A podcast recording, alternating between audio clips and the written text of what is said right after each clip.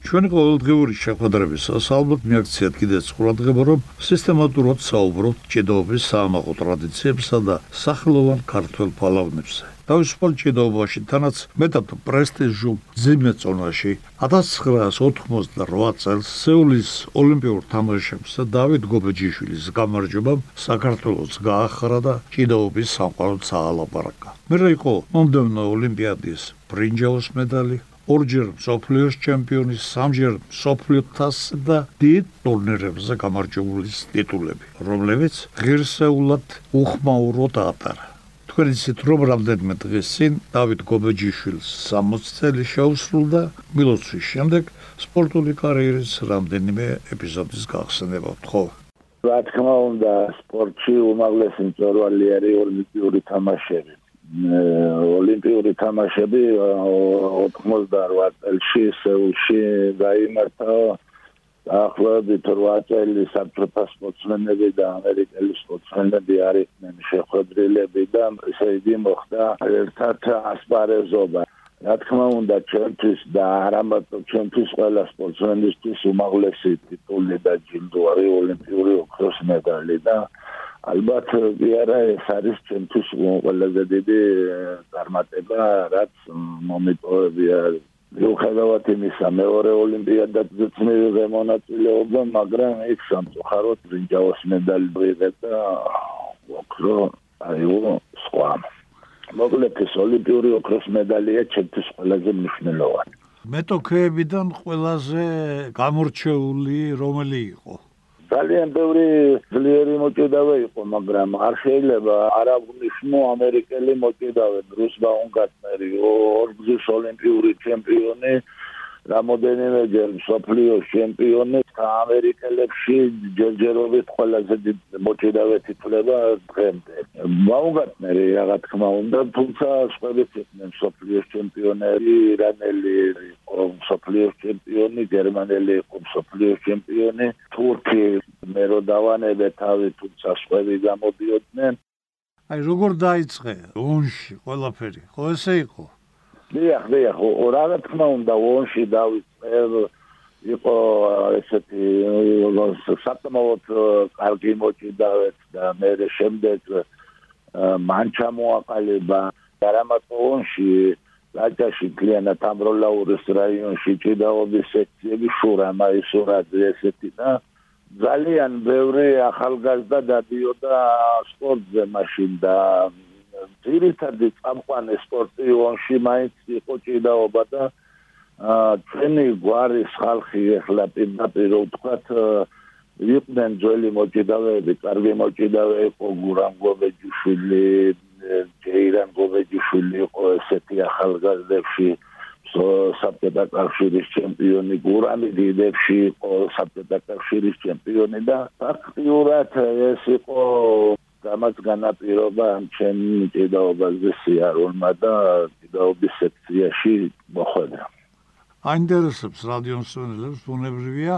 ამჟამად რა წვლილი გაქვს რასაკეთებ აქტიური სპორტის შემდეგ ვიყავი ფედერაციის პრეზიდენტი რამოდენიმე წელი. შემდეგ დეპარტამენტში თავმჯდომარის მოადგილე. ამ მომენტში მე ვარ ოლიმპიურ კომიტეტში. ძალიან დაწესებული გრაფიკი არ მაქვს მაგრამ სპორტულ ცხოვრებას დღესაც არ ჩამოშორებული ვარ რა კიდე ვიღე მონაწილეობას. ეხლა ვარ პრეზიდენტის მრჩეველი ოლიმპიური კომიტეტის. გასაგებია. დავით კიდევ ერთხელ გილოცავ ჯანმრთელობას ბედნიერებას და ყოველივე საუკეთესო გისურვებ. დიდი მადლობა დათო დიდი მადლობა იმისი მადლობა საჩემპიონო ასპარეზზე დავით გუბაჯიშვილის გამოსვლის წლები სოფლიოს ორგზის ჩემპიონმა გურამ საღარაძემ გაიხსენა. უმოწევ საიუბილო თარიღ 60 წელს დაგვარან მოწაფეს დავით გუბაჯიშვილს უძლიერესი იყო იქ ძიმეწონოსანთა შორის მაშინ თელი ძიმეწონოსანთა კოჰორტა სათავეში ედგა მთლიანად ის უნიდან წარმოშობით სოფელი ხურუთია ონის რაიონი. იქ იყო შესანიშნავი შურა ალექსანდრე მაისურაძე. ცნობილი მოჭიდავე იყო მაშინ საბჭოთა პერიოდში და რამდენიმე საბჭოთა კავშირის ჩემპიონატი აქ მოგებული და მის ხელში დაიწყო ჭიდაობა. შემდეგ ეს ევერტეოდი საქართველოს ნაკრების უპროფესიონალი ვიყავი და როგორ განვითარდა მასთან დამოკიდებულობა ამაზე ასე მინდა ვისაუბრო რომ პირველად ნახე ეგ და ლერი ხაბელოვი კახეთში საქართველოს პირველობაზე მოზარდებს შორის პატარა ბიჭები იყვნენ ორივენი და დავით შევამჩნია რომ რაღაც საოცარი ილეთი გააკეთა და რომ გააკეთა მე შევეკითხე. სადაური ხარ მეთქი და ონელიო. ხომ მეთქი და მე შენ მოგხედავ მეთქი და ნაკრები და გაეხარდა ძალიან და იმის მერე უკვე დავიწყე მასთან ასე თქვა ურთიერთობა ამ ხრივ რომ ის მსვლელი გავხდი და იმდენად გულმოდგინე იყო იმდენად ნიზამიმართული იყო რომ ყველაფერს მიგდებდა ყურს ყველაფერს ასრულებდა რასაც ეუბნებოდი და გააკეთა ის რასაც მიაღწია. ისეთი ილეთები ქონდა მას რომ მრავალფეროვანი იყო და საინტერესო მოჭიდავე რომ ძალიან ბევრჯერ გახდებოდა ჩემპიონი. ეს ინტერესნელები თვითონ იყვნენ ჯერ კარგი მოჭიდავეები, სულ იცოდე სასწავლო პროცესი, იცოდე ფიზიკური დატვირთვები როგორ მიეცათ.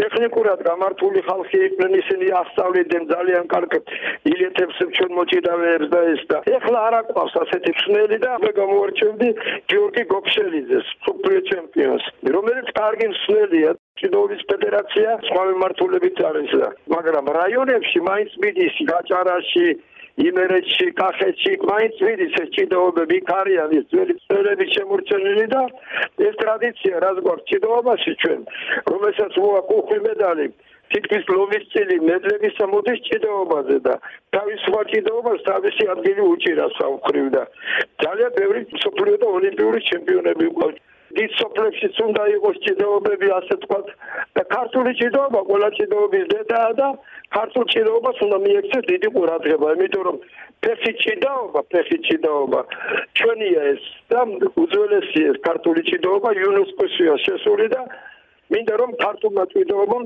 ფეხი მაგრად მოიმაგროს ყველა რაიონში ყველა სოფელში ყველა ადგილას და აქედან უკვე მოდიან უკვე ეს მასტაცი და კარგი ბიჭები და კარგი მომზადებული ბავშვები რომლებსაც უნდა იჩიერი მსვლელები ჩაუდგნენ სათავეში და აუკლებენ გზას სოფლიო და ოლიმპიური ჩემპიონობისკენ. ჭიდაობის ტრადიციების შენარჩუნება უბრალოდ სკოლის ასაკურველია სპეციალისტების საქმეა. ჩვენი დღევანდელი შეხვედრა კი ტრადიციულად ფეხბურთით დაამთავრეთ. ბათუმიდან გია ცანავა.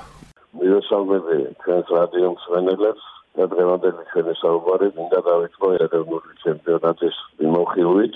ჩემპიონატი ფინის უახლოვდება და უფრო და უფრო იძაბება სიტუაცია იმ თვალსაზრისით რომ არა მარტო პირველი და მეორე ადგილისთვის ბრძოლაში არამედ მესამე ადგილი ხდება ევროპის ლიგაზე და იქაც საოცრად დაძაბული სიტუაცია სამი გუნდია პრეტენდენტი ეს გახავთ ხალხობო კორის დილა და ქუთაისის ტორპედო. ყველა თამაშს გადამწყვეტი მნიშვნელობა შეიძლება ითქვას და დაზღუნებული ვარ, რომ ის თამაშები, რომლებიც დარჩათ ამ გუნდებს, კომპრომისო იქნება და ყველა თამაში დაძაბული.